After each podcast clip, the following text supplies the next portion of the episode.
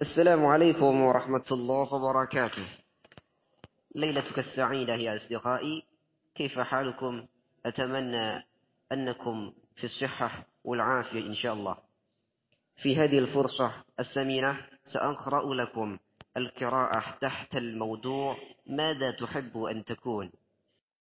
سأل المعلم التلامذ مرة في الصف واحدا واحدا ماذا تحب أن تكون؟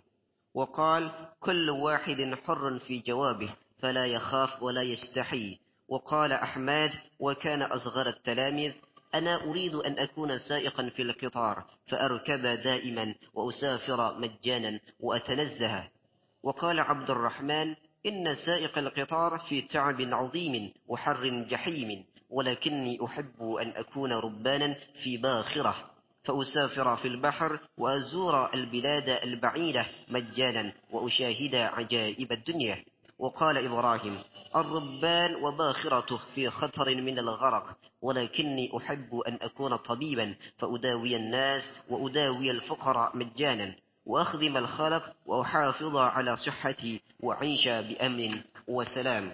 وأجابه عبد الرحمن وقال هذا ليس بصحيح ليست الباخرة في خطر في هذا الزمان والبواخر تسافر دائما في هذه الأيام بأمن وسلام. وبالعكس أرى الأطباء يمرضون ويموتون. وقاطعه إبراهيم وقال أما سمعت أن باخرة غرقت قبل يومين أو ثلاثة أيام؟ وأراد إبراهيم أن يجيبه ولكن قال المعلم وهذا ليس وقت مناظرة وقد بقي كثير من الطلبة. وماذا تقول يا قاسم؟ قال قاسم أنا لا أحب أن أكون سائقا أو ربانا أو طبيبا بل أحب أن أكون فلاحا أزرع وأحرث ولا أحد يخدم الناس وينفعهم كالفلاح وهو الذي يزرع الحبوب والخضر فيأكل الناس والدواب. وقال سليمان أنا أحب أن أكون تاجرا لي دكان كبير في سوق كبيرة. يأتي الناس إلي ويشترون. وقال حامد أنا أحب أن أكون صناعا ماهرا ومخترعا. أصنع وأخترع الأشياء العجيبة.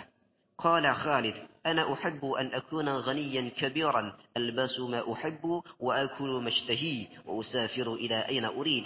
ودائما عندي مال كثير وأسكن في قصر كبير. وضحك الأولاد من قول عبد الكريم وخجل عبد الكريم وقال محمد أنا أحب أن أكون عالما أخاف الله وأعبده وأعظ الناس وآمرهم بالمعروف وأنهاهم عن المنكر وأحذرهم عذاب الله. قال المعلم أحسنتم يا أولادي وأنا أدعوكم بالتوفيق والنجاح ولكن كونوا مسلمين وابتغوا الله بعملكم وانفعوا الدين بشغلكم واخدموا الأمة بعلمكم. قال التلاميذ وماذا تقول أيها الأستاذ عن عبد الكريم وقصره؟ قال المعلم المال نعمة من الله يجب عليها الشكر وسعيد جدا. من أتاه الله مالا فهو ينفق منه سرا وجهرا ويبتغي به مرضاة الله ويخدم به الإسلام. وقد جاء في الحديث الشريف لا حسد إلا في اثنتين رجل أتاه الله حكمة فهو يقضي بها ويعلمها. وقد كان سيدنا عثمان غنيا وسيدنا عبد الرحمن بن عوف غنيا. ورفع عبد الكريم رأسه وقال سأجتهد أن أخدم الإسلام بمالي وأبتغي به مرضات الله من كتاب القراءة الرشيدة الجزء الأول. هكذا مني.